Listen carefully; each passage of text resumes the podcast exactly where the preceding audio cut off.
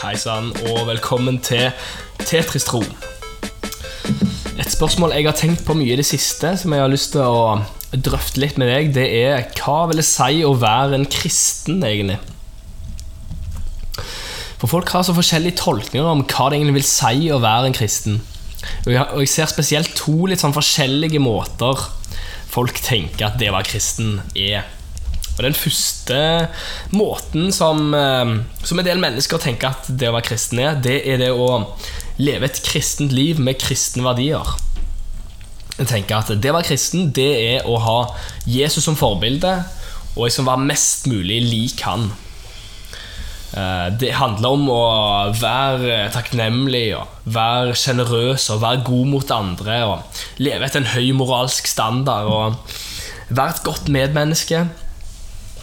Og det handler om å velge å elske andre både når det er lett og når det er vanskelig. Til og med elske sine fiender. Det handler om å liksom, stole på Gud og være utholden.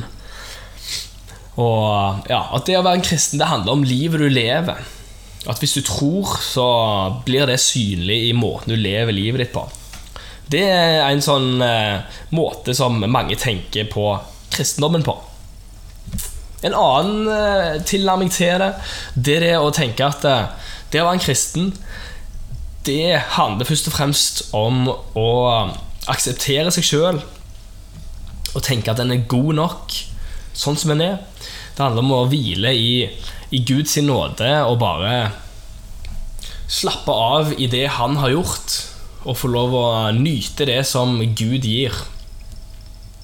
Og En eh, påpeker at eh, det handler jo om en relasjon først og fremst til Gud. Det er jo ikke en religion, det å være en kristen. Så Det er på en måte en annen tilnærming til det. Og disse to kan jo høres veldig forskjellig ut. Eh, og hva er egentlig det å være en kristen? Er det begge deler samtidig, eller er det noe midt imellom, eller er det en av de her greiene?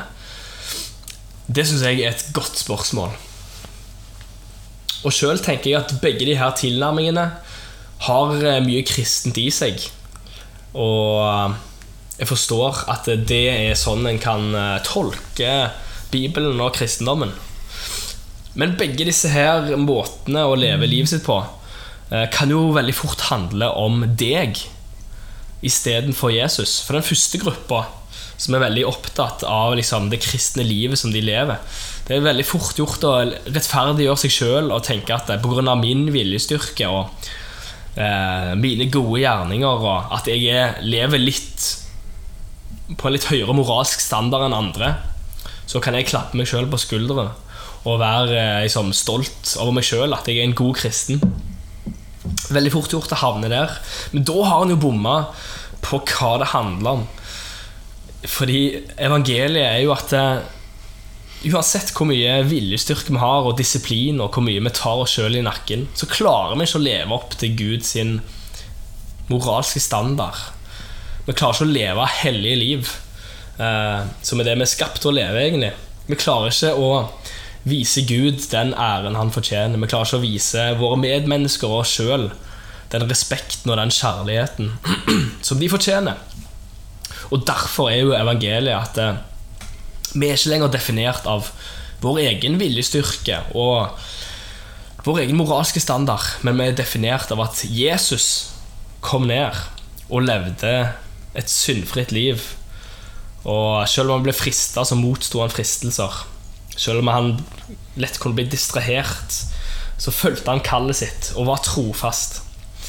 Og vi er nå definert av det livet han levde, ikke det livet som vi klarer å oppnå. Så det er først og fremst gode nyheter, det vi tror på. Og det er òg gode nyheter til den andre gruppa som jeg snakket om. De som tenker at eh, jeg er god nok, og eh, jeg kan eh, akseptere meg sjøl og hvile i Guds nåde. Så er evangeliet gode nyheter. Fordi at eh, når en er i den gruppen eh, mennesker og tenker at uh, Ja, jeg får akseptere meg sjøl, og jeg får uh, elske meg sjøl sånn som jeg er, så kan det være vanskelig når vi går på trynet Og en kan føle at en må litt lyge til seg sjøl sånn ja, Men jeg føler meg jo ikke god nok. Hvorfor skal jeg si til meg sjøl at jeg er god nok? Der sier jo evangeliet til oss at Nei, vi er ikke gode nok. Vi lever ikke opp til Guds standard.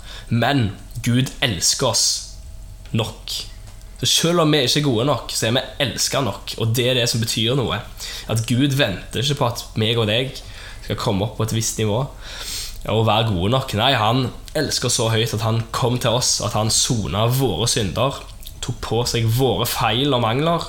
Som gjør at selv om vi fremdeles har noen issues og har noen eh, mørke greier i oss, så dekker Gud sin kjærlighet det. Og Gud sin kjærlighet bryr seg ikke om de tingene, men han elsker oss for det. Og det gjør at eh, du trenger ikke å elske deg sjøl helt til du føler deg bra. Du kan ta imot Gud sin kjærlighet. At han elsker deg, det er det som betyr noe. Så det er det jeg tenker. Det er det det betyr å være en kristen. Ikke først og fremst og hvilken moralsk standard du lever på, og heller ikke hvor høyt du klarer å elske deg sjøl, men det er å ta imot Guds kjærlighet for deg og legge din identitet i hva han tenker om deg. Ikke hvilket nivå du klarer å leve på, eller hvor høyt du klarer å elske deg sjøl. Men at uh, Gud sier om deg at uh, du er hans elskede barn. At han elsker deg, at han er stolt av deg.